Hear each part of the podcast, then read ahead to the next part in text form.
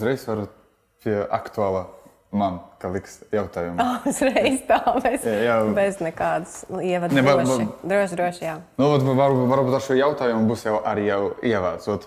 Tik prям, varbūt primitīvi, nu, tieši vairāk man tas ir primitīvi. Kas ir dzimuma identitāte? Ot tā, ot, piemēram, cilvēkiem, kuri nesaprot, tāpēc, ka jūs strādājat ar pusaudžiem, kā es dzirdēju, līdz 24 gadiem, ja, šis vecums. Jā, no 12 līdz 40.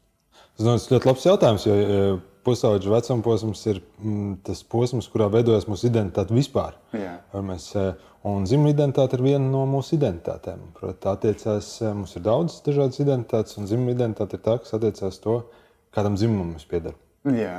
Un, e, bet reizēm tas jautājums kļūst drusku sarežģītāks. nekāds, Tāpēc, ka, mm, piemēram, ir diezgan viegli pateikt, kādam bioloģiskam dzimumam es piedaru. Nu, piemēram, e, man ir, nu, es atvainojos tā vienkārši runājot, bet nu, man ir krāniņš, es piedaru e, vīriešu dzimumam. Man, e, Man ir, es, ne, es nezinu, kā tagad mūsdienās sauc.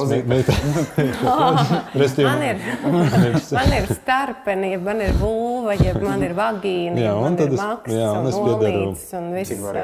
Nu, to, to viegli pateikt. Pēters, ja, nu, principā, doktors, kad izņem eh, bērniņu no mammas eh, klēpja, viņš to arī uzreiz redz un nosauc māsīnē. Nu, ļoti, ļoti retos gadījumos ļoti ir, ir tā, ka tur grūti pateikt, bet kopumā mēs katrs piedaram vienam vai otram bioloģiskam dzimumam. Līdz ar to eh, nu, tā dzimuma identitāte varētu tādā veidā eh, būt skaidra, bet tā problēma ir tā, ka dzimums nav tikai bioloģisks, mums ir arī Jā. tas tā saucamais psiholoģiskais dzimums. Jā. Un, e, psiholoģiski es varu gan tā ļoti labi justies ar savu bioloģisko dzimumu, gan es varu par to domāt, man var būt dažādas pārdomas. Un reizēm mans psiholoģiskais dzimums var vispār, piemēram, nesakrist ar manu bioloģisko dzimumu. Teiksim, e, mazs puisītis, bet viņš jūtas un ģērbjas un uzvedās kā meitenīte. Tad mēs sakām, ka tā ir dzimuma identitātes traucējumi, piemēram. Jā, un tādā gadījumā, kā tāda būtu? Piemēram, es, es jūtos sevi kā mm -hmm. gribu kad uh, kleitas, uh, nu, pēc uzvedības domāju, ka es gribu kļūt par meiteni, un ko man tad darīt, piemēram?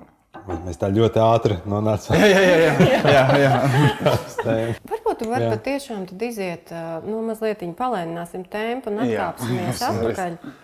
Jo, manuprāt, tas būtu patiešām forši saprast, kurā brīdī tad, nu, kopumā vispār šis jautājums var aktualizēties. Uh -huh. Pārsvarā, protams, kad visticamāk tas būs gan pats bērniņš, gan viņa tuvākie aprūpētāji, kuri būs saistīti ar šo izaicinājumu. Un kā mums Latvijā notiek pakāpeniski soli pa solītam, nu, vispār šis jautājums, kā viņš tiek risināts. Jo viena lieta, kas ir pasaulē, bet otra lieta ir, mēs esam šeit, mm. un kas ir mūsu resursi. Un tā kā tu esi ar viņiem cieši saistīts, tad sākot no tā vispār. Okay. E, Tas var sākties uzreiz. Principā, em, pirmo reizi tas var sākties tik līdz bērns sāk sev apzināties. Un tādi mm, reizēm tas sākās jau diezgan ātri, aptuveni 3, 4 gadu vecumā. Un tas e, tie parasti ir puikas, mazie puikas, kas sāk valkāt māmas drēbes un uzvesties kā meitenītes. mm, Tas tā parasti ir lieta, kur, tāpēc, ka bērns ir mazs, tas parasti liels problēmas neizraisa. Nu, reizēm vecāki var sadraukties, bet nu, reāli jau tādam mazam bērnam tas e, nav, nav tik sarežģīti. Protams, ja reizēm tas dārziņā var izraisīt kaut kāds jautājums, bet tomēr vairāk vai mazāk e, ar to tiek galā. Un, un patiesībā šo bērnu vecāki diezgan reti e, vēršas pie speciālistiem. Mm, Kas arī ir īstenībā ļoti labi, tāpēc, ka pārsvarā gadījumā šie bērni sasniedzot pubertāti, šī, em, šī lieta izzūd. Mēs zinām no pētījumiem, ka šie bērni būs homoseksuāli. Praktiski absolūtā vairumā daļa. Šie puikas izaugs, tur laikam 90 kaut kas procenti, šie puikas būs homoseksuāli. Bet, iden- bet viņu dzimuma identitāte būs neskarta. Tādā ziņā viņi būs vīrieši. Un tad ir otrs vilnis, kas sākās, tagad sākās pubertāte. Un, agrīnajā vai vidus pubertātē, no aptuveni 12, 13 gados. Un, tas pašā ir meitenēm. Tur ir liela atrāviena. Mums šobrīd ir meitenes, aptuveni 90% me meitenēm, kuras nu, sāk e, justies nekomfortabli ar savu ķermeni. Tas nekomforts izraisa tādas diezgan fiziskas un psiholoģiskas ciešanas, tāpēc mēs to saucam par disforiju. To sauc par dzimumu disforiju. Ar kā apjukumu. Jā, apjukums, Mēģinot psiholoģisks kaut kaut kādas tādas uh, ciešanas un tā. Un daļa šo te meiteni tad tālāk, principā, mm, sāk um, veikt to, ko sauc par sociālo tranzīciju, sāk ģērbties kā puiši, um, nu, izskatīties pēc iespējas kā puiši, pieņem puišu vārdus. Un šī, šai grupai gan ir diezgan liela statistiskā iespējamība, ka tas turpināsies arī pēc pilngadības sasniegšanas, un daļa no šiem, no šiem cilvēkiem tad tālāk veiks arī sāks saņemt hormonu terapiju. Un vēl neli, salīdzinoši neliela daļa ies pilno tranzīcijas ceļu, respektīvi, tad jau arī ķirurģiski pārmainīs savu organismu, lai pēc iespējas pie, pie, pie, piedzītu to tuvāk tam vēlamajam mm -hmm. bioloģiskajam dzimumam. Nu, piemēram, sievieti bioloģiski, tad pēc iespējas, cik var pēc iespējas, tāpēc, ka pilnībā tas nekad nebūs iespējams. Mm, jā. Mēs saprotam, tāpēc tās ir transpersonas. Mēs arī sakām, transvīrietis vai transsieviete, jo um, tas ir um, bioloģiska, piemēram, sieviete, kur ir, kuras ķermenis ir pie, pielīdzināts vīriešiem. Kāpēc tā notiek, kāda ir iemesla, un tā šobrīd, godīgi sakot, mēs to nezinām. Tad, mm -hmm. Tas ir ļoti interesants fenomens, tāpēc, ka pēdējos gados, piemēram, pēdējā desmitgadē, tas milzīgi pieauga. Nu, piemēram, ja agrāk tur, un mums ir dati, protams, arī no Eiropas klinikām, un tā, un ja agrāk tur redzēja, nu, burtiski tur Anglijā bija piemēram 3, 4, 10 gadījumi gadā. Tad eh, tagad šie gadījumi jau principā ir simtos un tūkstošos. Un, uh -huh. un mēs nezinām, kāpēc tas pieaugums ir. Tur droši vien vairāk iemeslu. Mēs varam parunāties nedaudz mm. vēlāk par to. Bet, nu, jā, tāpēc tas ir tāds aktuālitāte. Tā aktuālitāte arī pie mums. Ja agrāk, piemēram, slimnīcā nonāca e, gadā viens vai maksimums divi šādi bērni. E, tad šobrīd, nu, protams, ne, ne, vairs ne slimnīcā tīri, bet um, kaut kur speciālistu redzeslokā. Nu, es jums pateikšu, man šobrīd, um, tad man aktuāli katru nedēļu aktuālajā terapijā klienti, ar ko es strādāju, man ir septiņi vai astoņi e, trans e, jaunieši. Nu, tad kopējā gada laikā jau redzu aptuveni 50 tādiem. Tas ir milzīgs skaits. Un tas, ko tu prasīji par to, ko mēs darām, nu, e, Latvijā nav sistēmas. Mm. Nav nekāda vadlīnija, nav vienotas tādas e, lietas. Es gan kādreiz pats par to ļoti interesējos. Es sapratu, ka mēs nezinām, ko darīt. Tad man bija uzaicināts tādu pasaules ekspertu, dr. Kens Zukers, kurš ir no kopš 70 gadiem ar to strādā. Viņš teica, jau simts kungs, bet viņš ir autoritāte pasaules. Viņš atbrauca, viņš apmācīja un atstāja man visus savus materiālus. Mēs supervizējāmies. Tad mēs kaut kā Mēģinam, bet patiesībā neko ārkārtīgi daudz, protams, nevar darīt. Mm. Cilvēks ir pusaudzis, mēs varam atbalstīt, nu, tīri psiholoģiski, mēs varam mēģināt mazināt distresi, mēs varam palīdzēt norientēties viņam. Jo bieži tas, tas nav tāds mm, balts vai melns gadījums, tas tā ir mm -hmm. tā pirmā mhm. lieta, ko mēs sakam. E, gan pašam pusaudzim, gan vecākiem e, šeit vienmēr ir iespējams vairāk nekā tikai divi gala iznākumi. Un te ir vesels spektrs, kā tas var izvērsties. Yeah. Un, e, un tad mēs vienkārši strādājam un skatāmies, kā, kā, kā tas viss iet un kurā virzienā tas pusaudzis iet. Tas, kas, protams, ir jāsaka, ka šiem pusaudžiem ir ļoti augsti visi citi traucējumi. E, pārsvarā tur ir diezgan smagas depresijas, paškaitējumi, diezgan smagi um, suicīds, ir diezgan suicīd, pašnāvības domas. Tā, tā kā, nu, šie pusauģi diezgan bieži ar to visādīgi, kā Latvijas saka, strago. Es varbūt ar vienu tādu piemēru, nu, kas man mm. liekas, varbūt palīdz arī saprast, kā, nu, kā notiek šī identitātes sajūta. Viņi nevienmēr tiem cilvēkiem, kuriem ir šis te, nu, apjukums vai neskaidrība, vispār saistās ar to, kā es to izpaužu uz ārpusi, ko es velku mugurā, kādas uzvedības pazīmes nu, es vairāk attainoju uz ārpusi nu, ar to domu, vai man ir vairāk nu, stereotipiski sievišķās uzvedības pazīmes, nu, jā. tajā, kā es kustos, kā es sēžu, kā es stāvu, kā es sarunājos, jā, vai vairāk varbūt no šīs maskulīnās, bet vairāk patiešām ar šo iekšējo sajūtu. Par to, ka kaut kas stipri man nesakrīt, ka tas, ar kādu fizioloģiju es esmu piedzimusi, nesakrīt ar to, kā es jūtos mm -hmm. par sevi. Un tas, piemēram, tās atbildes, kuras es esmu dzirdējis, tas tikpat labi var asociēties piemēram, ar mieru, ka es esmu tas, kas es esmu. Un tas viennozīmīgi nav tas, par ko stāsta mans ķermenis. Jo nu, Tieši tā kā Nils teica, tad, kad mēs piedzimstam, ļoti ātri jau notiek šī izvērtēšana. Mēs ieraugam ārējos dzimumu orgānus. Mums jau neviens pat netaisa nekādu hormonālo pārbaudas testu, kas arī ļoti lielā mērā var ietekmēt to, piemēram, kā tālāk mēs attīstāmies un kāda veida uzvedība, piemēram, mūsos arī attīstās vai intereses attīstās, kuras būs saistītas, piemēram, vairāk ar sievišķiem vai vīrišķiem hormoniem. Bet mēs tā kā ļoti ātri stigmatizējam, piešķiram cilvēkam šo te. Uh, dzimuma piedarību fizioloģiskā formā mm. un gaidām no viņa kaut kādu atbildes reakciju, ka tagad tieši šajā zilajā vai mm. rozajā, rozā kastītē vai no nu, ar ļoti retiem izņēmumiem šajā nu, kaut kādā starpstāvoklī cilvēks tā arī sevi reprezentēs. Bet realitātē jau tā nav. Šeit nāk šis garīgais aspekts, kas ir šis te, nu, psiholoģiskās identitātes aspekts. Un tas katram būs ārkārtīgi individuāls, ko man nozīmē, piemēram, būt sievietei. Viena lieta tas ir mans ķermenis, bet jā. otra lieta, ko man nozīmē būt sievietei. Nu, jā, ko tas maina? Jā, vai, nu, vai... Ko, ko man tas dod vai Aha. kādu ceļu man tas atver. Es teiktu, ka mūsdienās arī tā uzvedība, caur kuru es mēģinu saprast sevi vispār, kāda tad ir tā mana identitāte, arī var nebūt obligāti rādītājs tai manai identitātei. Nu, tas, kas ir tas pakāpeniskais sevis atklāšanas ceļš, uh, ka es arī par sevi tieku skaidrībā savā ziņā, tā kā procesā. Nevis esmu tā apgaismota kopš dzimšanas brīža, vai ap trīs gadiem, vai pēkšņi pusauģu vecumā, bet tas ļoti bieži šis, nu, kāpēc tiek lietots arī tas tranzīta jēdziens, ka viņš nu, tāds arī ir tas stāvoklis pat tajā brīdī, kad es jau lietoju hormonus un veicu dzimumu maiņas operāciju. Jebkurā gadījumā es tikai tranzītēju, jo, piemēram, ja man ir mākslīgi uh, veidota maksts, tad man viņi ir jāuztur tajā, lai viņi vispār būtu, lai šī atvere būtu. Tas nozīmē, mm. ka man ir regulāri jālieto ierīces, kuras viņa uztur fleksiblo, ka viņa nu, nesavalkās tieši tāpatās, kā savalkās e, izdurta caurumiņa ausī. Nu, tas nozīmē, ka tranzītēju uz šo savādāko identitāti ilgstoši un uzturu un rūpējos par viņu. Un, savukārt manā uzvedībā tas var izpausties e, absolūti nu, nevienmēr tik ļoti kategoriski, kaut kādā tādā statiskā veidā, arī manas dzīves garumā. Jā, nu, un, piemēram, runājot par diagnostiku. Man, jā, man tādas domas, varbūt tiešām es pats nevaru saprast. Nu, piemēram, es, nu, it, ka, piemērs, es esmu. Es, man pirmkārt jānāc, ja man tādas domas par mainīšanām mm -hmm.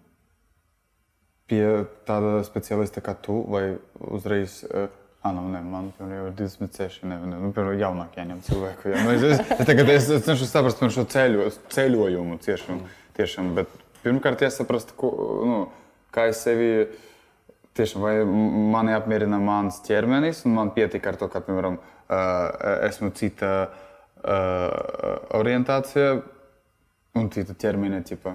Mm. Pirmkārt, kā, kā sākas šīs? Ot... Nu, Latvijā nav tas, kā jūs minējāt, nu, tā nekā tāda noteikti. Tur tie cilvēki ir dažādi. Protams, mums ir nu, no Padomju Savienības um, psihiatrijas savs mantojums, un daļa cilvēku joprojām šo ceļu veids, ceļšķi, ja viņi pieaugušā vecumā pie tā nonāk, viņi diezgan bieži to ceļu veids caur, um, caur um, psihiatrisko slimnīcu, tur ir kā konsīlijas kaut ko izvērtē, un tad uh, un tad uh, dod šo diagnozi, kur tālāk var saņemt mm. terapiju. Tam uh, patiesībā tam visam ir diezgan nosacīti, jā, un tas, un tas vispār nav obligāti nepieciešams šobrīd. Jo mm. savukārt jaunieši ceļš, tas uh, viņi bez tā viss iztiek. Jo tas, ko, mm, tas jautājums par to, ko vajag, lai noteikti, nu, patiesībā vajag ļoti maz. Tā kā mēs skatāmies pēc diagnostiskiem kritērijiem, tev vajag tikai to, lai būtu neapmi ne, ne, ne, neapmierināts ar savu dzimumu Eh, un pie tam nav obligāti jājūtas kā pretējā dzimuma. Tev vajag Jā. tikai justies vienkārši neapbrīnām savu. Un tam ir jāizraisa kaut kāds distress. Nu, Respektīvi, tev jābūt kaut kādam diskomfortam ar to. Bet, nu, jā. kā mēs varam, tie ir ļoti subjektīvi rādītāji. Nu, principā ar šiem mm. diviem rādītājiem tev vairāk vai mazāk pietiek. Nu, protams, ka un pie tam dažādās valstīs ir ļoti dažādi. Piemēram, Amerikā tu vari aizpildīt internetu testu, un pēc tam jau sākt saņemt hormonu terapiju pa pastu. Nu, tā kā vispār ne, ne, nesot pie speciālista. E, un e, e, Latvijā tas, kā parasti dara, nu, ir nepieciešama psihiatra izziņa, ka tev ir šī diagnoze nosacīta, un tad tu ej pie endokrinologa un saņem, saņemt hormonu terapiju, tad ej pie ķirurga. Un, un, mm. un, un, ja, ja vēlēsies, un veids to vispārējo, un tad un nonāks piemēram pie tāda speciālista kā es, kas palīdz izvērtēt, vai tas tiešām ir tikai dzimuma disforija, vai varbūt tas ir piemēram fetišisms. Nu, teiksim, pieaugušā vecumā tāds reizēm ir ka ir eh, milzīga vēlme ģērbties sieviešu drēbēs. Mm -hmm. Tas, tas sagādā seksuālu baudu, jā, jā. tas ir kaut kāds fetišu objekti, bet tas nav īsti saistīts ar dzimumu. Tādas smagas lietas. Un vēl otra lieta, protams, ko ja cilvēki nonāk pie speciālistiem, kas arī vienmēr ir, eh, ko piemēram mēs mēģinām paskatīties, ir, mm, kā tas saistās ar citām problēmām. Transseksualitāte un transvestisms Kāda ir atšķirība? Transvestīti ir eh, cilvēki, kuriem patīk pārģērbties pretējā Jā. dzimuma drēbēs. Nu, piemēram, drag queens ir tas Jā, jā, jā. eh, redzamākais piemērs.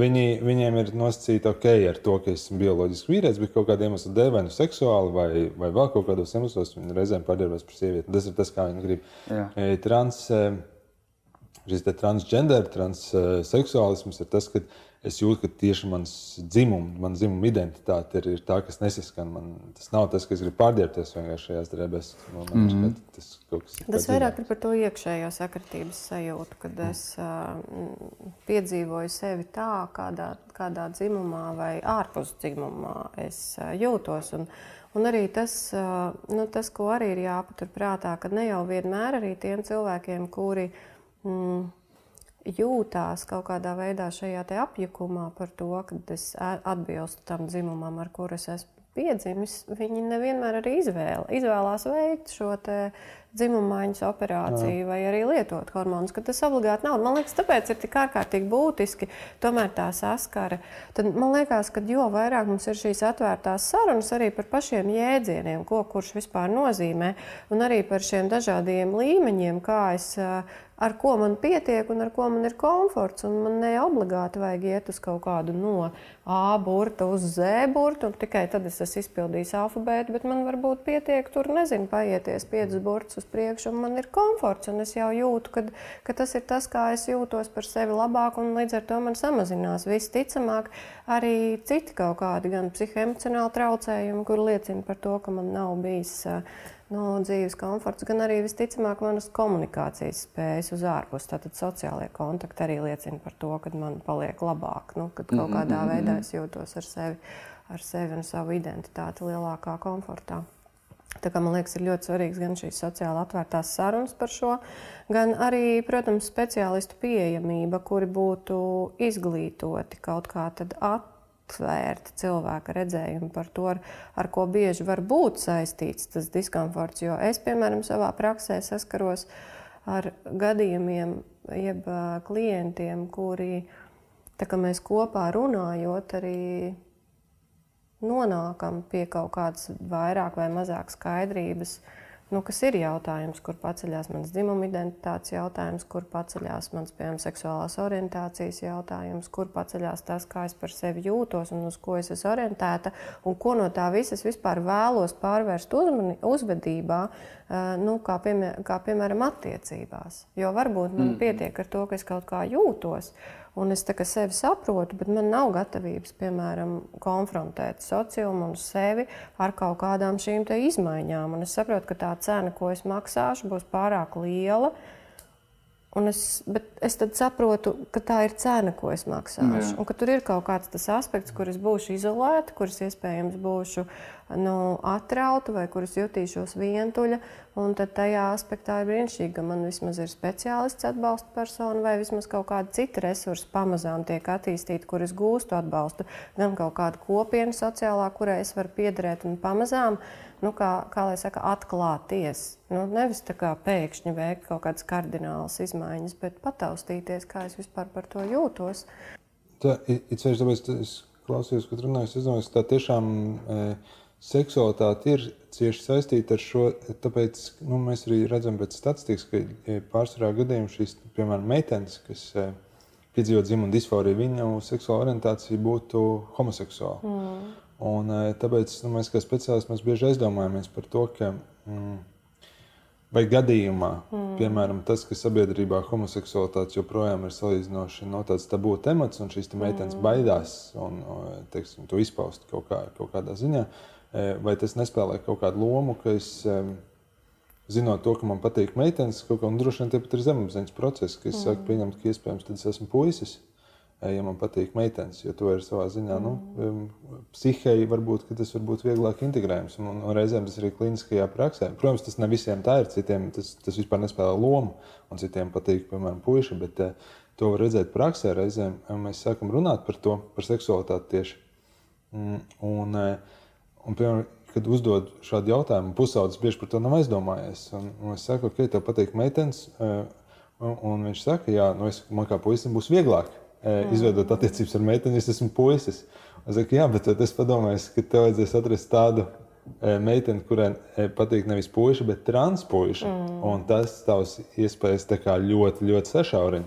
Nu, tas ir ļoti specifiski. Tomēr. Jā. Un viņi par, reizēm par to nav vispār aizdomājušies. Nu, tādā veidā, jo tie visi ir tādas nu, diezgan tādas praktiskas lietas. Tas tiešām ir, un vēl ko es iedomājos, tas, ko es, tas, tas bieži ir saistīts ar to, ka tu daudz runāji par to ķermeni. Tas tiešām ir saistīts ar to, kā es pieņemu savu ķermeni. Jā. Jo mēs runājam ar, arī ar saviem klientiem, kā, kas ir milzīga trauma pārsvarā visiem mēnešu reizēm. Un principā šī dzimuma disforija vairāk vai mazāk sākās līdz ar mēnešu reižu parādīšanos. Eh, Un tas turpina sagādāt milzīgas ciešanas mm. pārsvarā šiem cilvēkiem, kā visu laiku tieši mēnešu reizes. Un mēs daudz mēs par to runājam, un nav īsti saprotams. Tad nu, es arī kā speciālists, protams, aizdomājos, kas ir noticis, kā ģimenē ir tikusi integrēta šī tēma, kā šis, kāpēc šim pusaudzim tās mēnešu reizes nāk kā tāds uh, neizturams trieciens psihē, principā. Ak, Dievs, kas notiek ar maniem, ar manu ķermeni. un tā. Nu, uh, tā kā jā, tur ir miljons dažādas tās, uh, tie jautājumi. Jā, un tas man liekas, vispār par to ķermeni runājot, tas, ar ko nu, es esmu saskārusies, kas man liekas tāds aktuāls arī jautājums, cik vispār mums ir tādas empātiskas un atvērtas attiecības pret mūsu ķermeni, pret viņa dabisku būšanu un, un arī savā ziņā tādu viņa izzināšanu, viņa vajadzību izzināšanu, kas, kā es saku, piemēram, tādā mazāk aktīvā formā, Piemēram, šis dzimuma apjukums, man liekas, ir raksturīgs gan arī katrai otrajai, trešajai sievietei, kur īsti nesaprot, ka viņi ir hormonāli. Vienu mēnešu ietvaros viņas fizioloģiskās vajadzības nomainīsies četras reizes, kādu spiedienu viņa rada uz sevi. Piemēram, kaut kādas dienas pirms mēneša reizēm, tur plānojot 88 publiskus pasākumus, kuros viņa pati vairs nav spējīga funkcionēt, jo insulīns izdeg ātrāk. Tas nozīmē, ka man ir kaut kā jāatjaunojās, vai nu, kāda pārslodze es sev uzlieku. Kas, nu, es par to pēdējā laikā ļoti daudz domāju, par to, cik ārkārtīgi daudz ko mēs norakstam uz to, varbūt pat to psiholoģiju, neaizdomājoties, cik tā mūsu psihe ir ārkārtīgi atkarīga no tā, cik fizioloģiski nu, kā lai saka, tad apzināti un veselīgi to dzīvesveidu mēs piekopjam, ņemot vērā, ka man ir kaut kāds dotums, es varu viņu ilgtermiņā ignorēt, nu, kaut vai tās pašas mēneša reizes. Es jau varu ilgtermiņā viņas ignorēt, bet viņas tāpat man dzīves kvalitāti ietekmē. Viņas noteikti ietekmē arī, nu, tomēr jau ņemot vērā, ka mūsdienās viņas meitenēm sākās ar vien ātrāk un ātrāk, un tie jau kaut kādi 10, 12 gadi. Tas nozīmē, ka es ieeju pamazām šajā cikliskajā dzīvesveidā, un cik ļoti apkārtējā vide ir atbalstoša, lai es savā ķermenī justos labi. Nu, kā sieviete saprotot, ka viņš tomēr prasa kaut kādu atšķirīgu to dzīvesveidu, vai, piemēram, saprotot to savu vīriešu fizioloģiju, kas ir ar manu dzīvesveidu, kur man ir vajadzīga, piemēram, nu, izrēģēt to adrenalīnu, lai es nepaliktu jau agresīvs, vardarbīgs, nu, kur man ir vajadzīga kaut kāda izaicinājuma dzīvē, kaut kāda pārvarēšana, kas savukārt, ja es viņu iz, vienīgais veids, kur es kā, viņu izrēģēju, ir attiecība aspekts. Tad ir konflikts konflikta galā. Protams, labāk, ka tā nebūtu, ko tagad ar visu to darīt. Nu, kur man reizēm liekas, ka nav problēmas ar pašām mēnešu reizēm, bet ar mūsu attieksmi pret šīm divām fizioloģijām. Nu, vai arī visām tām, kas ir starp viņām. Mm, Jā, tāpēc, ja starp citu, ja tāda pati lieta ir arī mūsu profesija. Bieži dzirdams, ka pirmkārt jāsaprast, uz skatuves ir nu, neatkarīgi no dzimuma identitātes vīrietis vai sieviete. Mm. Pabrīžiem es domāju, nu, blin, nu, taču pabrīžiem vīrietis, viņam var būt kaut kas smalkāk kā sieviete, un sieviete pabrīžiem atkarīgi no situācijas, nu, kaut kā mm. stingrāk nekā vīrietim. Jā, tāpēc tas tiešām neļaut mm. to pats pie, pieņēmu. Uh, uh, bet man arī tāds, tāds jautājums uzrodas. Uh, nu, arī ir tādas situācijas, tā gādas, cik es zinu, piemēram, uh, apprecējušies. Viņi tur ir nu, runa par viņu vai par viņš. Tur pēc 30, 30, pēc 30 gadiem. Mm, jā. 30 gadiem. 30 gadiem, paldies. Jā. Vai kad jau ir bērni vai sieva, mm. pēkšņi viņš saprata, ka viņam patīk vīrieši. Un otrādi pa brīžam mm -hmm. notiek. Ka visu dzīvi dzīvoja viņa ar vīru, bērni, visu ok. Un pēkšņi pēc tam satiek sievieti un saprata, ka nē, ar sievieti. Kā, kas tas ir atkal? Sabiedrība tā ietekmē, ietekmē jā, jau kad bijām mēs jaunie. Ne, nevar saprast, ko es tieši gribu. Kāpēc tā notiek? Nē, nu es viennozīmīgi domāju, ka šis seksuālās identitātes jautājums, kurš ietver dzimumu identitāti, orientāciju, tad vēl to, ko no tā visa es izpaudīšu attiecībās un ko man tas maksās sociumā, ir ļoti komplicēts jautājums. Nu, un es domāju, arī piemēram tā kā es sevi varu atklāt, kas man liekas tāds interesants aspekts, kā es varu saprast nu, sevi, ja man nav vidas, kurā rezonēt. Man, manai masai ir 18, mammai gan 350. Bet ir tā, ka es nesen redzu dialogu, ka mamma kaut ko tur nokomentēja par homofobu, homoseksuālistiem. Un mana masa, es tas skatos, wow, uz, mm -hmm. uz savu masu. Viņa tā, māma, kā tu tā vari? Un viņa, vai, mana masa saka uz mammu, ķipa, Viņi saka, saka aizstāvēt tiešām ot, ot visu netradicionālu kultūru. Tā kā mamma to uz viņu skatās, nu jā, jā, jā. Un, un tas ir foršs moments, kad meita izglīto mammu, bet mamma nav vainīga, ka viņa ir tādā attieksmē. Tāpēc, ka tiešām tas ir forši runāt par to, ka šodien es redzu pats, ot, jaunieši, viņi ir jau, es kad biju vēl skolā, tas nebija tik viegli par to domāt, runāt, tikai smēties par to. Bet mana masa un viņas paudze, man prieks redzēt, tiešām, ka viņi jau ar to nu, ne, nejausmas, nu, ir tā nu, un ir tā. Jā. Tas ir. Man liekas, tā ir tā pieņemšana. Kaut kā jūtu to, tu daudz ar jauniešiem strādā. Kā tu jūti tieši šīs starppaudžu izmaiņas? Jo nāk jau vecāki, tad tomēr jaunieci jau pirmo mm. reizi pie tevis, vai tu viņš vispār var tā atnākt bez vecāku piekrišanas. Vecāki, protams, viņi atnāk reizēm paši, bet skaidrs jau tas ir. Jebkurā gadījumā vecāks uh -huh. būs mhm. kaut kādā ziņā iesaistīts. Es, es domāju, ka ir, ir, ir tas, ko tu saki, bet tas ir ļoti ne, nevienmērīgi. Piemēram, ir milzīga atšķirība starp, piemēram, Rīgas centra mm -hmm. skolām un jauniešiem. Jā. Un kā tur viss notiek, tur, piemēram, šobrīd no maniem klientiem ir tāds pieredze, ka ļoti veiksmīgi pat, pat dzimuma disforijas, ka un, un, un trans puiši te, te iet iekšā skolā, tur skolotāji viņiem ir pretimnākoši, jau sauc jaunajos vārdos, mm. tur viss notiek, palīdz viņiem adaptēties ar tolotēm. Nu, principā, Mēs, kad es ar viņiem kopā šos ceļus eju, tāda sajūta, nu, tas tikpat labi varētu būt, nezinu, kur tur Jā. Londonā vai, vai vēl kur, neko daudz labāk viņam nevarētu piedāvāt. Bet tas viss radikāli mainās, tikko drusku izbrauc ārā no Rīgas. Mm -hmm. un, es domāju, ka arī rajons, ko es braucu ar lekcijām pie jauniešiem.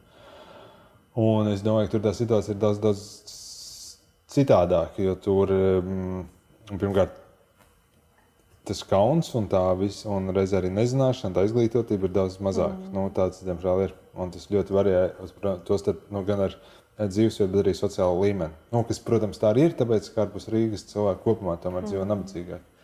Un, Un tur ir daudz vairāk agresīvas un, un vardarbības. Un, un, un savukārt tie stāsti, ko, kas, nu, ko es dzirdu no tiem jauniešiem, viņi galīgi nav forši. Ir, nu, es domāju, daudz neatšķirās no viņu vecāku pieredzes. Man bija tāds gadījums Daugopilī, kur bija vecāki pateikuši saviem bērniem, lai viņi nesēž, nesēž blakām vienam puisim. Mm. Un, bet kas man tajā sešā visvairāk bija, ne, ne tikai tas, ka vecāki bija tā pateikuši, bet ka tie bērni arī to arī tā, tā arī darīja. Un viņi mobbingoja to puisi ārkārtīgi. Mm, jā, jā. Tā, kā, nu, tā situācija tiešām nav, nav vienmērīga. Vēl arī ir interesanti nu, arī tas, ko praksē redzēt, ka e, tas māsas gadījums, un tā, e, šie jaunieši parasti ir tie, kuri kādreiz nu, vairāk vai mazāk identificējas kā streiti. Tā nav viņu it kā. Um, tas, starp citu, puikām ir raksturīgs. Nu, puikām no, no, no attīstības psiholoģijas to ļoti labi redzēt. Reizēm puikām zināmā vecumā sākās tā interese it kā eh, flirtēt ar homoseksuālismu tēmu. Nu, viņiem, mm -hmm. yeah. viņiem patīk, tur, un, un diezgan daudz puikas, piemēram, arī kopā masturbē. Piemēram. Mm. Bet tas, ko mēs zinām, diezgan labi no veselības pētījumiem, ir, ka tie, kas tā dara, tie kā likums ne, ne, nebūs homoseksuāli. Jo viņiem, jo viņiem tas, tas neizraisa. Un, savukārt, tie, kur jūtas homoseksuāli, to, tie parasti to tā nedarīs, tāpēc, ka viņiem ir pārāk liels kauns jā, un trauksme. Jā. Līdz ar to es domāju, ka ir labi, ka ir tādi jaunieši, tā lielā masa apkārt, ka viņi, viņi jūtas pietiekami stabili par sevi, ka viņi var it kā.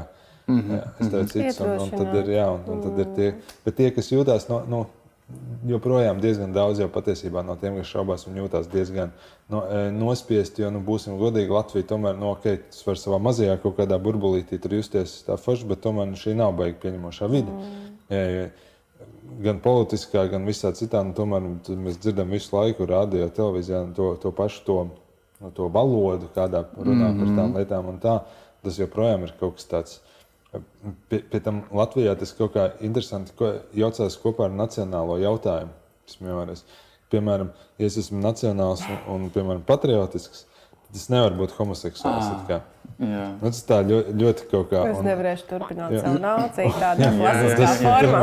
un tas ir kaut kāds milzīgs disonants. Man ir jaunieši, kur arī viņi atnāk un pirmajā viņi saka, nu, es, Es, viņa tā, tā, tā viena lieta ir milzīga. Viņa saka, es, ka es vispār jūtos kā amerikānis, piemēram, vairāk. Vai, vai. Saka, vai kādreiz bijis amerikānis? Es nekad nav bijis amerikānis. Viņš jūtas kā amerikānis. Internets šodien, jā. Kā, tā, tāpēc, ka šeit, nu, principā, tas message ir, ja tu esi latvietis, nu, tad tev nu, jābūt diezgan tādam normatīvam. Un, ja tu esi savukārt, piemēram, gejs vai lesbieta, nu, tad tu esi mm -hmm. pret Latvijas tautu, pret visādām mm -hmm. tādām. Nu, tādas diezgan tādas sāpīgas joprojām tas lietas. Bet Paldies Dievam, mums nav tik traki kā Krievija. Nu, cik es tur redzu, tas, tas, tas ir skumji.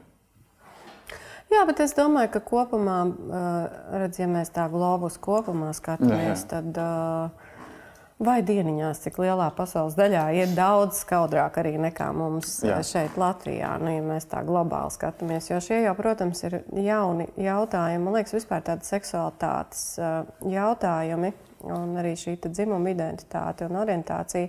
Viņi jau ir tādi salīdzinoši jauni kopumā pasaulē, publiskajā telpā.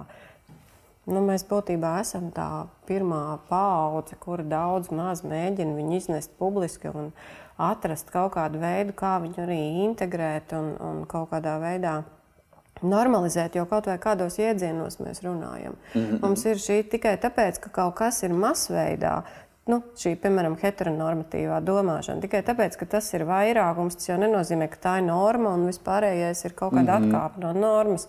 Bet šī te, mm, mācīšanās pieņemt, ka arī viens gadījums ir gadījums. Yeah. Un man nav tiesības pateikt, ka es esmu normāls un tas viens ir nenormāls. Mm -hmm. Man liekas, tā kopumā šobrīd ir ļoti jauna.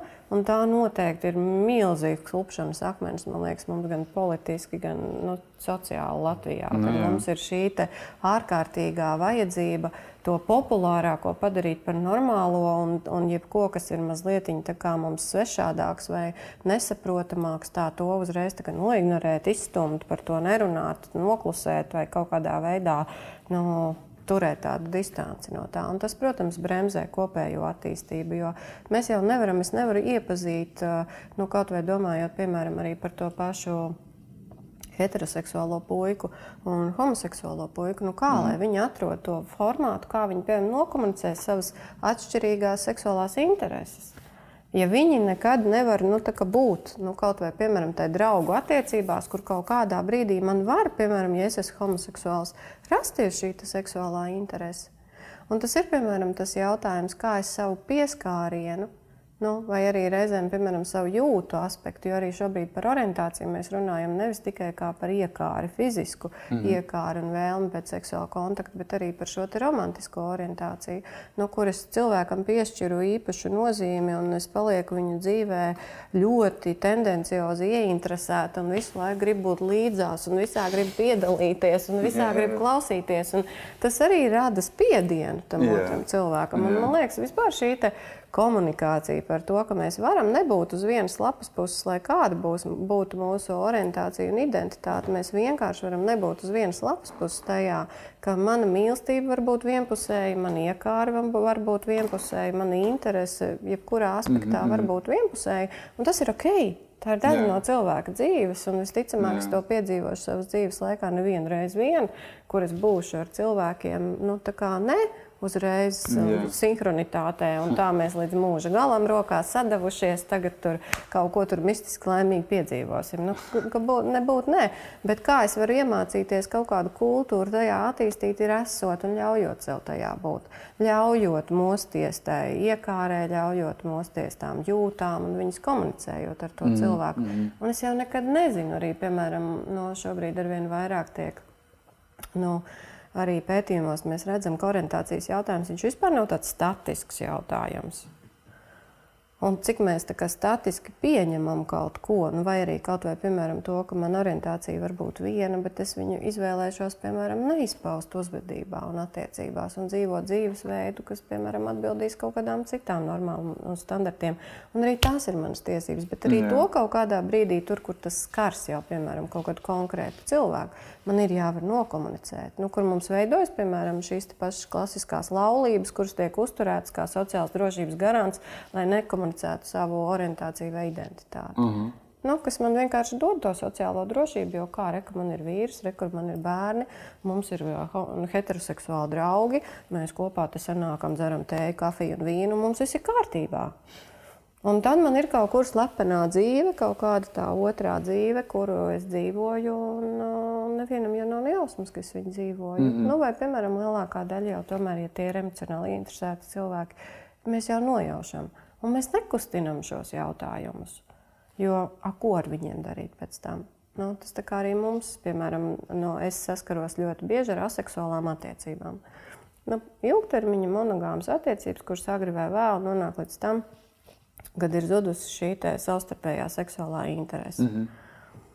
Un tur ir kaut kāds, piemēram, tas uh, gadījumu skaits, kur tas skar arī izrādās šo orientāciju vai identitāti, vai vispār viņas izpausmi vai vēlmi izpaust, vai kaut vai vēlmi, piemēram, apstiprināt savas aizdomas. Un tad, ja es nevaru to nekādā veidā nokomunicēt, jo tur uzreiz ir tas tiek uztverts kā mm -hmm. aizvainojums vai uzbrukums savukārt manai, mm -hmm. piemēram, kaut kādai citai lapas pusē, uz kuras es sēžu. Nu, mums ir veidojis tas sociālais sprosts, un reizēm tas sociālais sprosts veidojas mūsu pašu tuvākajā, nu, tā sociālajā lokā, kas ir mūsu pamatģimene un mūsu draugi. Nīl, bet klau, kas šobrīd ir trendīgi, runājot par šo visu? jo tomēr trendi nāk no jauniešiem.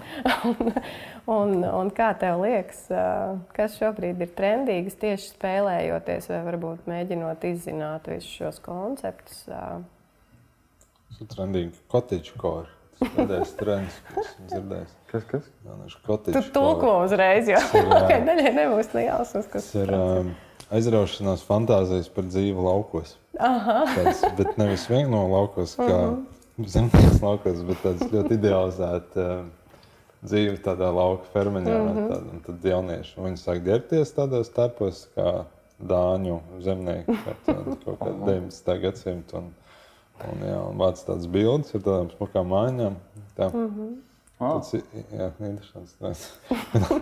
Šodien tiešām tā vairāk arī tā skatoties, nu, kādreiz varoņi, piemēram, nu, tā, kas ir varonis, kāds stiprs cilvēks, kurš ķipa, pozitīvi, nu, tāds stiprs vot, vai, vai vi- visas nozīmes, bet jā, tagad arī tas ir paralēli mazliet arī tā, ķipa, arī trendīgi, ka, kā es saprotu, kā es redzu, ka tiešām tas ir tāds vājums, tas, ķipa, tas, nu, tas mazliet viss slikti. Nu, Tas, mm. ķipa, tas, tas ir tik romantiski, varbūt.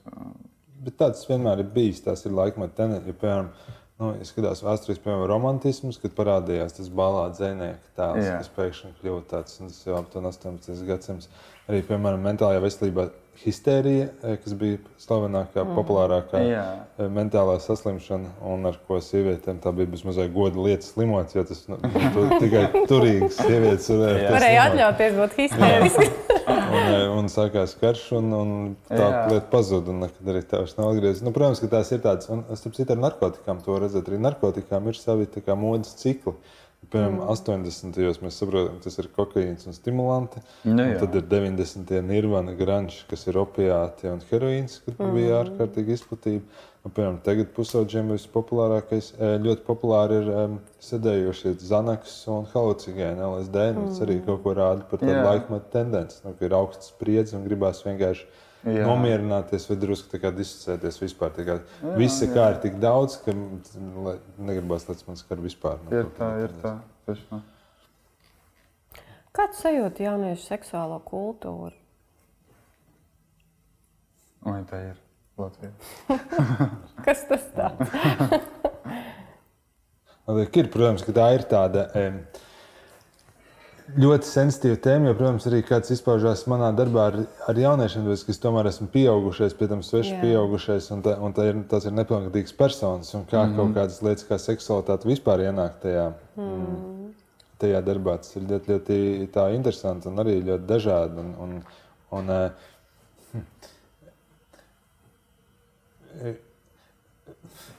Vien, viena lieta, ko var redzēt, nu, savā ziņā kaut kādas jau lietas nemainās. Nu, piemēram, mm -hmm. mēs mhm. skatāmies, tur lasām kaut kādas grāmatas no 50, 60 gadiem, un ļoti līdzīgi ir tagad. Nu, principā to var ļoti, un pie tam to var ļoti labi redzēt, ka puikas un meitenes attīstās, viņas seksualitāte attīstās kā pilnīgi dažādās trajektorijās. Principā. Mm -hmm. Un puikām, um, nu, sevišķi tagad, sākās 12, 13, 14 gadi, nu, viņu seksualitāte ir ļoti tieša. Un, principā, pat ja viņiem izdodas atrast kādu meiteni, tad vairāk vai mazāk mēs saprotam, ka tas ir tāds. Nu, Tad eh, tas, ko sauc par eh, masturbāciju attiecībās, mm -hmm. nu, tā seksuālā pieredze, principā tas, ko viņš deva, tur līdz -hmm. attiecībām nemaz. Savām meitenēm mm -hmm. atkal pilnīgi pretēji. Viņam, viņam ir ārkārtīgi kā, svarīgs joprojām eh, šī, šī lieta. Tāpēc mm, es domāju, ka viņš nu, labāk zinās, bet meitenes bieži saka, ka mana vecuma zēni, tie vispār tiem tur nav, ar mm -hmm. viņiem nav vispār neko iespējams, nu, nekā kopēja. Mm -hmm. nu, protams, tāpēc tā seksualitāte ir dažāda. Es domāju, ka tas, kas te ir arī izteiktāk, ir tas, ka šī te. Mm, Noteiktā brīdī mēs katrs padomājam par to, vai es gadījumā neesmu homoseksuāls. Nu, tā, tā ir Jā. normāla attīstības daļa. Tāpēc, mm -hmm. ka, lai, es, lai es saprastu, ka es neesmu, nu, man vajag vispirms padomāt, vai es gadījumā mm. esmu. Un, un es domāju, ka tagad tas pieņem vēl tādus, nu, vienkārši tāpēc, ka ir lielāka pieejamība. Un te, man nepietiek padomāt tikai par to, vai es neesmu homoseksuāls. Man vajag sākt padomāt par to, vai man vispār nav kaut kāda, nu, paša kora, kaut kādi varbūt fetiši no pornogrāfijas noskatīti. Mm. No, principā, un es tās lietas, ka man ir jāiziet cauri, lai es saprastu, ka es sāku sāk kļūt, manuprāt, vairāk. Nu, jauniešiem parādās tāds interesants, nu, labi, interesants varbūt pat nav labākais vārds, bet nu, tādas pārdomas. Mm. Tā. Nav, nav tā, ka es vienkārši domāju par to, kas man patīk, zēna vai meitenes. Kā sāk domāt, vai man patīk. Mm, tāds, iespējams, man patīk S un M kaut kāda tipa. Nu, Restīvi, visu, ko es varu redzēt no pārsvarā pornogrāfijā. Mm -hmm. Ja tā ir tāda, man šķiet, tāda jauna iezīme arī, kas parādās. Kas man arī liekas, ir vēl viena jauna iezīme, ka pat vairāk nav, nav šī hetero un, un homo normatīvā tendence, bet tā kā neizvēlēties neko. Nu, kad ir nu, šī te, mm, nu, tā, mm. tāda tendence palikt uh, starp tiem dzimumiem. Nu, Zin, es domāju, ka drusku tā ir tāda tēma par bailēm no pieaugšanas, kas mūsu sabiedrībā ir. Es domāju, tas kaut kā mm. sasaistās arī ar, ar to dzimumu identitātes jautājumu. Jo principā mūsu sabiedrība ir tāda, kas ļoti um, izceļ apjūsmo nu, to pusaudzības periodu savā ziņā. Nu, tāds mūžīgā pusaudzība, tas ir bez mazliet kļūst kaut kāds pat trendi. Tas tu esi brīvs, tu esi drosmīgs. Ja, ja tev dzīve ir ļoti interesanta, dramatiska, tev visu laiku ir kaut kas. Un to, un to tiešām var redzēt no puses. Tā vienmēr ir klasiski bijusi mm. psihoterapeitiskā problēma. Bieži, kad bailes sasniedzot pubertāti, man sāk kļūt bailes no pieaugšanas. Tad ko, Bet tagad man šķiet, ka tas e, kļūst aizvien lielāks. Un viena lieta, piemēram, ko mēs domājam, meitenes, e, runājot par tām pašām mēnešreizēm, meitenes apzināti mēģina attēlināt vai apturēt mēnešreizes, nu, piemēram, nēšanu. Mm. Un, ta, jo tas ir nu, kaut kas, kas tāds spilgts atgādinājums, ka mana bērnība beidzās un ka es kļūstu par sievieti. Es arī domāju par to, runājot ar klientiem, kas ir tas, kas visvairāk nepatīk par savu ķermeni, piemēram, meitenēm. Un, principā divas lietas - krūtis un gurni. E, un, piemēram, dzimuma orgāni vispār nav svarīgi pārsvarā. Kā, un, E, pilnīgi mierīgi var sadzīvot ar to, ka nav krāniņš. Nu, kā, bet, bet ja, ko nevar sadzīvot ar to, ka ir krūts un ka ir gurna. Es tā sāku aizdomāties, ka tomēr iespējams, ka tas ir par to skaistumu ideālu, kas vairāk vai mazāk, nu tā e, ideālā modeļa, tas ir tāds. E, pirms vai agrīnās pubertātes zēna ķermenis, vairāk vai mazāk, ja mēs padomājam, tas ir diezgan kā, nu, mazs krūtis un diezgan un ļoti kalns. Nu, tas, un tas ir tāds, tāds androgīns zēns. Mm. Principā, tā, tā nav, protams, nobriedušas sievietes, mm. tāds ķermenis, ko mēs to saprotam. Nu, cik lielā mērā tas viss, šis, šīs, šīs bailes par gurniem un nepatīk pret krūtīm ir saistīti nu, ar tādiem mm, un skaistam ideālam.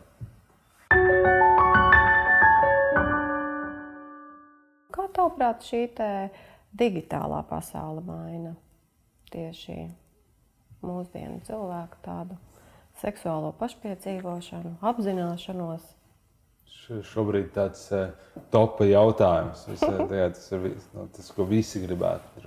Mēs saprastu, Es patiesībā es domāju, ka mēs tikai pēc kaut kādiem 20, 50 gadiem to sāksim Jā. saprast, kāds tas mm. efekts ir un kas ir bijuši tie. Jā, bet mēs varam redzēt tādas mazas lietas, nu, kas ir drošas lietas, kādas maina. Piemēram, mēs pilnīgi droši zinām, ka tas maina dzīves stilu. Respektīvi, jaunieši mm. daudz mazāk kustās.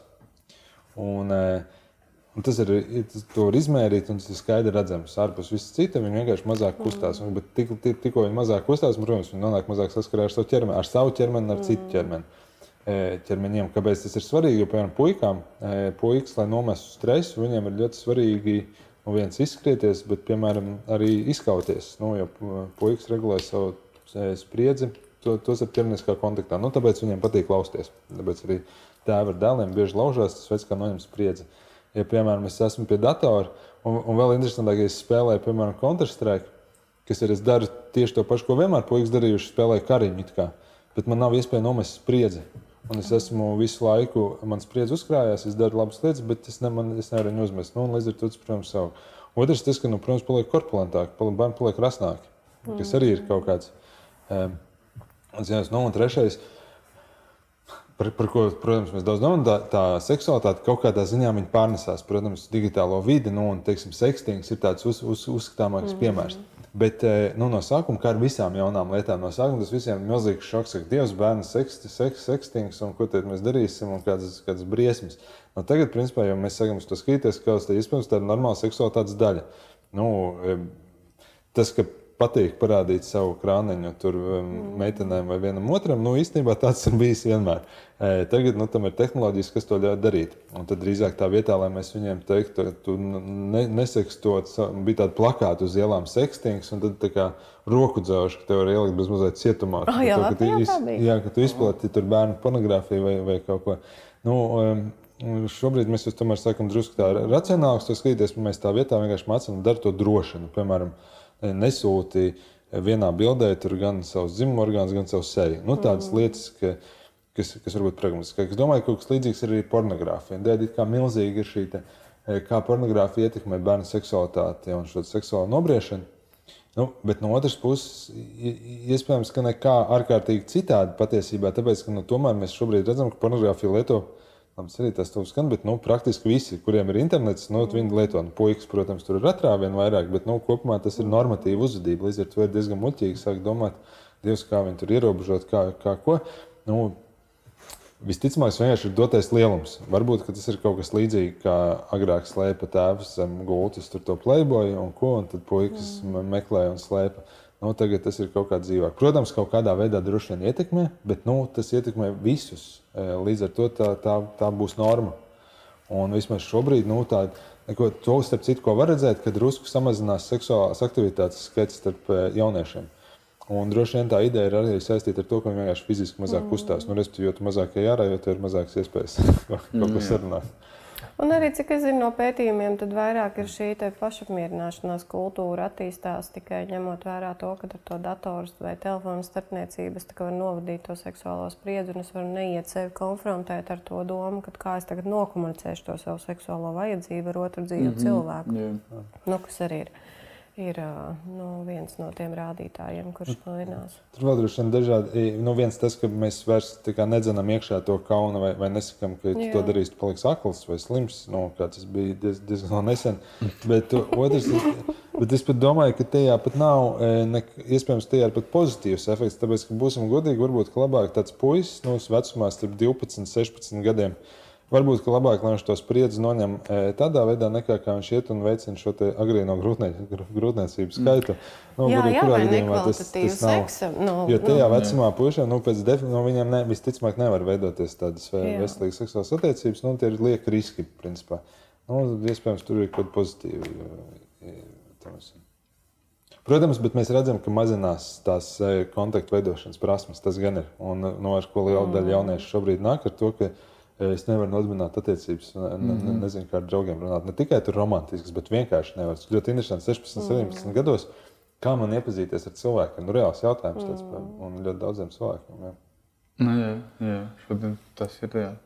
Nu, protams, ka liels izaicinājums tieši tāpatās, kā piemēram, man liekas, kas ir tas interesantais, nu, kur mūs aizvedīs tās tehnoloģijas. Jo kaut lai es varētu vadīt savu seksuālo spriedzi dzīvi cilvēku klātbūtnē, man viņi ir jāpārvar dzīvi cilvēku klātbūtnē.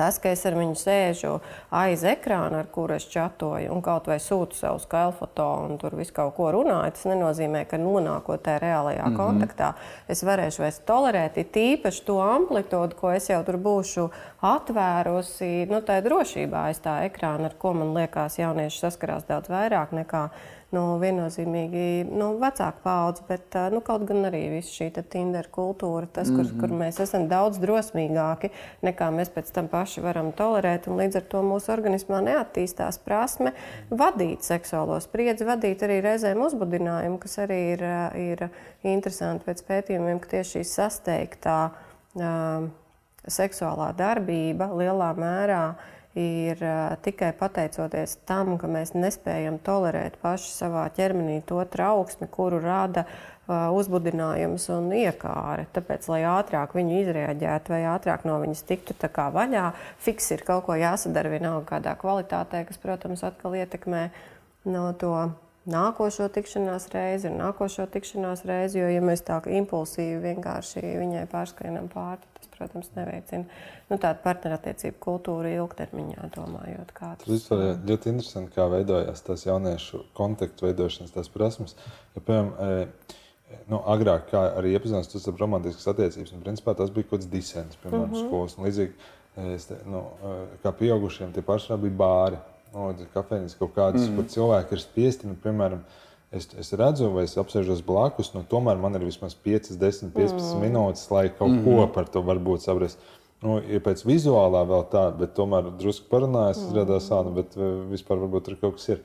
Bet tagad, principā, tev ir no 0,2 sekundes. Tu redzi, tur un, un, un, tā, un tā jānosaka, tev ir ļoti ātri jāpanāk tas mm. efekts. Domāju, varbūt tieši tāpēc. Un kas liekas paradoxāli, kāpēc jaunieši pie, piešķir aizvien lielāku uzmanību savam ārējam tēlam, kā, kā citi mm. viņu redz. Mm. Jo it kā vajadzētu būt otrādi. Nu, mēs kļūstam pieņemošāki sabiedrība. Kā, kāda starpība? Es domāju, kāda starpība tu esi puisis vai meitene mūsdienu sabiedrībā. Bet no otras puses, tam ir kaut kāda milzīga loma. Mm -hmm. Iespējams, ir tāpēc, ka tā vizuālā komunikācija kļūst tik primāra, ka man ir jāspēj ar savu vizuālo tēlu momentāli pārliecināt, kā momentāli dot mēsīju par to, kas es esmu, ko es gribu, ko es varu.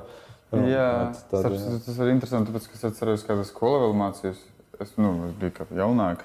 Uh, skola, es tāds nekonflikts cilvēks parasti. Skolotāja kaut ko pateica, kā, eh, kaut ko viņa teica stilā. Nu, nav svarīgi, kā izskat, viņi izskatās, nu, svarīgi, kāda viņi ir iekšā. Un es tā, nu, nē. Mm. Viņi uz mani, ka, ka, kas nozīmē, nē, svarīgi, kāda, kāda ir iekšējā pasaulē. Tas viss ir tā, ja viņi ir skaisti un viss kārtībā ar iekšējo pasaulē, tad viņi tas pats būtu ārēji. Nu, un, un, un, un es tagad domāju, tāpēc, tāpēc ka varbūt tiešām es pats esmu varbūt tuvāk pie šī laika. Nu, mm. kāpēc, tā, nu, tāpēc es tā arī varbūt domāju. Tāpēc, ka, nu, kāda viņa, viņš ir iekšē, es tiešām gribētu tā arī izskatīties, lai to būtu redzams.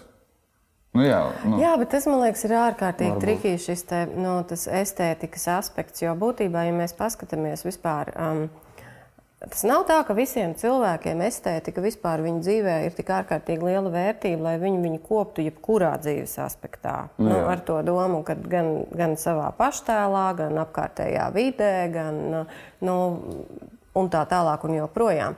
Un līdz ar to man liekas, tā mūs, mūsdienu estetizācija, kura mums kalpo kā tāds simbols, kurš par mani stāsta stāstu, nu, ir jau palikusi tomēr baigi manipulatīvāks. Jā, man liekas, ir jā, tas jā. milzīgais izaicinājums mūsdienās, ka mēs radām ļoti mākslīgus stāstus, kurus mēs pēc tam paši nemaz nevaram vairs saturēt. Jo es vienkārši strādājot ļoti daudz arī ar. ar tomēr to auditoriju, kur savā ziņā ir cietusi no šīs vajadzības visu laiku sevi uzturēt kaut kādā estētiskā, nu, tā performējošajā tēlā, mm -hmm. beigu beigās jau, nu, kā lai saka, tiešām iekšēji, nevis tāpēc, ka tur nekā nebūtu vai nebūtu potenciāli, bet vienkārši tāpēc, ka tam netiek veltīts laiks un enerģija.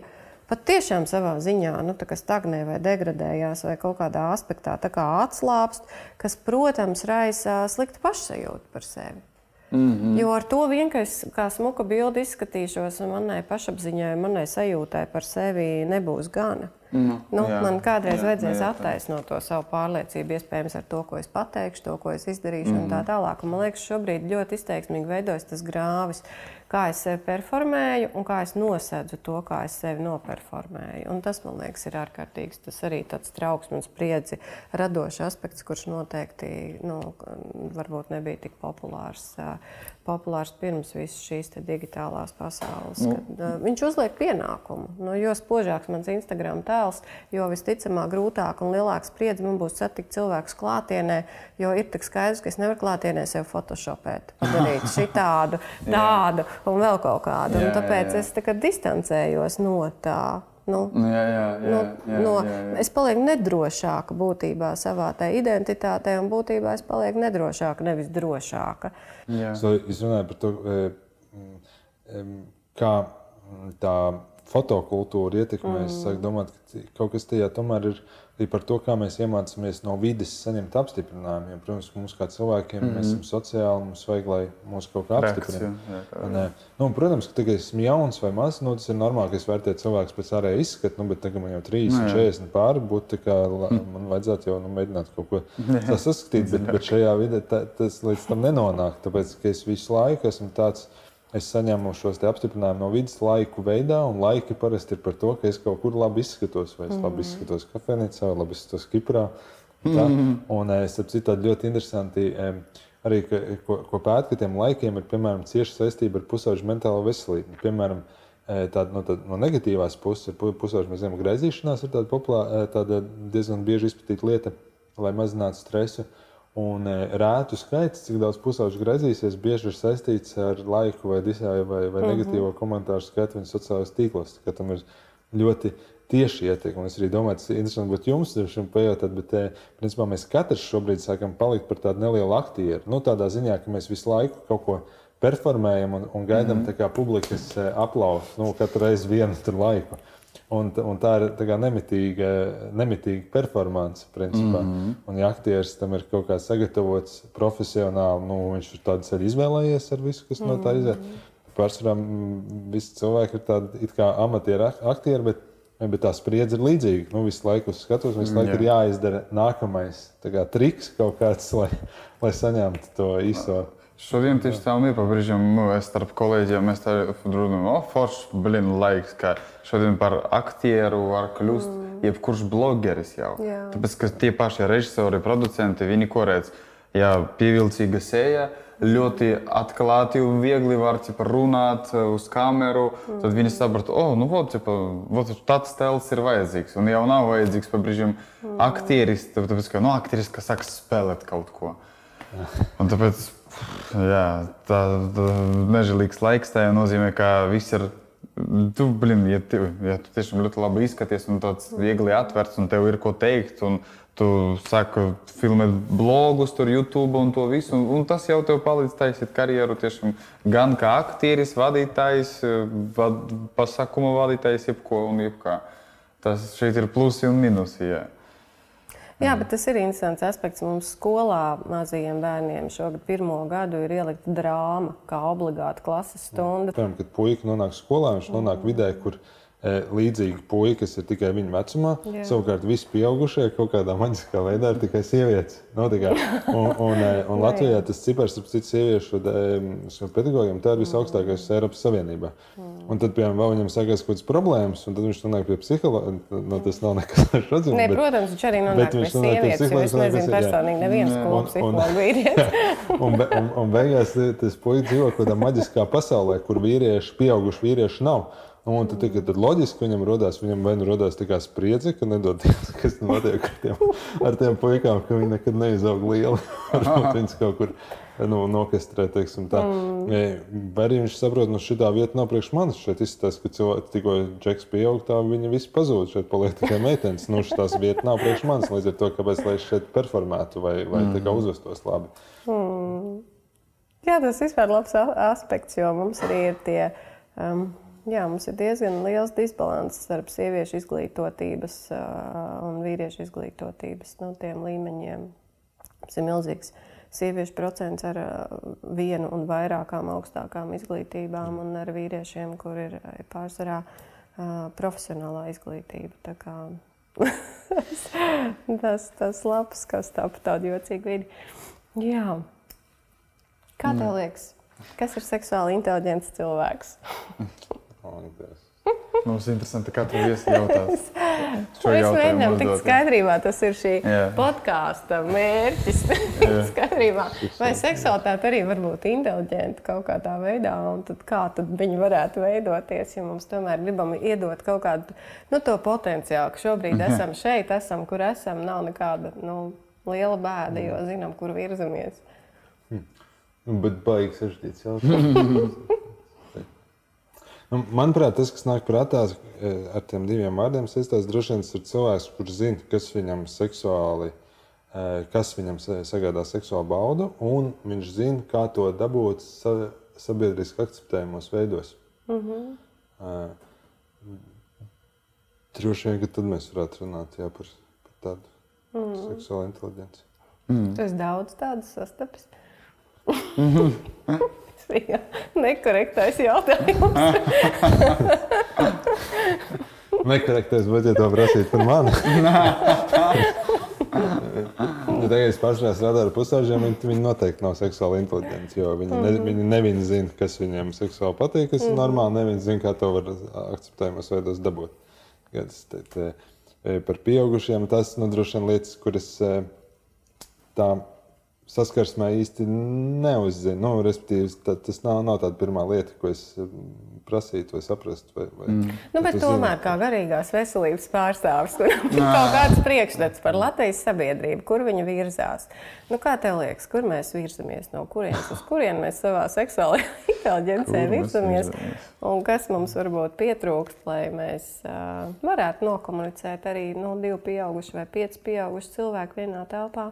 Arī šo jautājumu, kaut vai tīri nu, tādas atvērtības un dažādības ziņā, ne obligāti realizācijas ziņā. Ja godīgi mēs daudz runājam, un tas ir kā trends runāt Jā. par tādu atvērtību. Tā, manuprāt, patiesībā sabiedrība, ne tikai latvieši, es domāju, ka Eiropas sabiedrība kopumā iet tādā e, pretējā virzienā. Mēs ejam tādā vairāk e, konservatīvismu. Mm. Un, e, jo, ja mēs tā padomājam, principā seksualitātes izpausmes jau patiesībā tiek dažādos veidos tikai ierobežotas. Nu, sākot, ar to, sākot ar ķermeni, kā, nu, mēs dzīvojam laikā, kurā ļoti maz ir atļauts ķermeniski kaut kā mm. parādīties. Mums ir ļoti ierobežots viss, ko drīkst, ko nedrīkst skatīties televizorā. Mēs ārkārtīgi cenšamies ierobežot pieeja kaut kādiem nepiedienīgiem materiāliem. Mm. Restīvi mūsu sabiedrība, manuprāt, tā tendence ir drīzāk, ka kļūst konservatīvāk, nevis atvērtāk. Protams, tad palielinās kaut kas, kas ir pieejams tur aiz slēgtām durvīm, guļamistabā, kamēr viens neredz. Nu, tad, jā, tad internets sāk piedāvāt daudz vairāk. Bet tādā sabiedrības līmenī nu, es galīgi neteiktu, ka seksualitāte būtu kaut kāda tēma, par ko mēs eh, kaut kā. Mm. Tur tu runāt vairāk, mēs runājam tādā politiskā nozīmē. Piemēram, arī mēs runājam par homoseksualitāti, mēs principā runājam par, par laulībām kas Jā. ir politisks, kas ir nu, tāds eh, nu, juridisks jautājums. Mēs nerunājam par to, ko tas nozīmē būt piemēram seksuāli homoseksuālam, mm. vai ko tas nozīmē tādās emocionālās, jo nu, tas, tās nav lietas, ko teiksim, tur vakar ziņu eh, raidījumā cilvēki jautāt viens otram. Nu, līdz ar to es domāju, ka mēs savā ziņā drīzāk attālinamies, disicējam, nekā, nekā ejam. Mēs, mēs to visu noliekam tādā tiesību, juridiskā, par to mēs varam runāt. Tostarp arī transpersonu tiesības, mums viss tur, no tā mēs varam par to pārunāt. Bet, ja mums ir jārunā tieši par ko tas nozīmē ķermeniski, mm. kā tas nozīmē būt un kā ir un emocionāli, emocionāli. Un es neteiktu, ka tā ir kaut kāda augšupejoša līkne. Mm. Nu, neko jānovēl sev to spēt. Arī emocionāli parunāt par to, ko tas varētu nozīmēt. Jā. Vai ne? Mm. Paldies! Tev. Lielas paldies! Paldies, ka uzaicinājāt!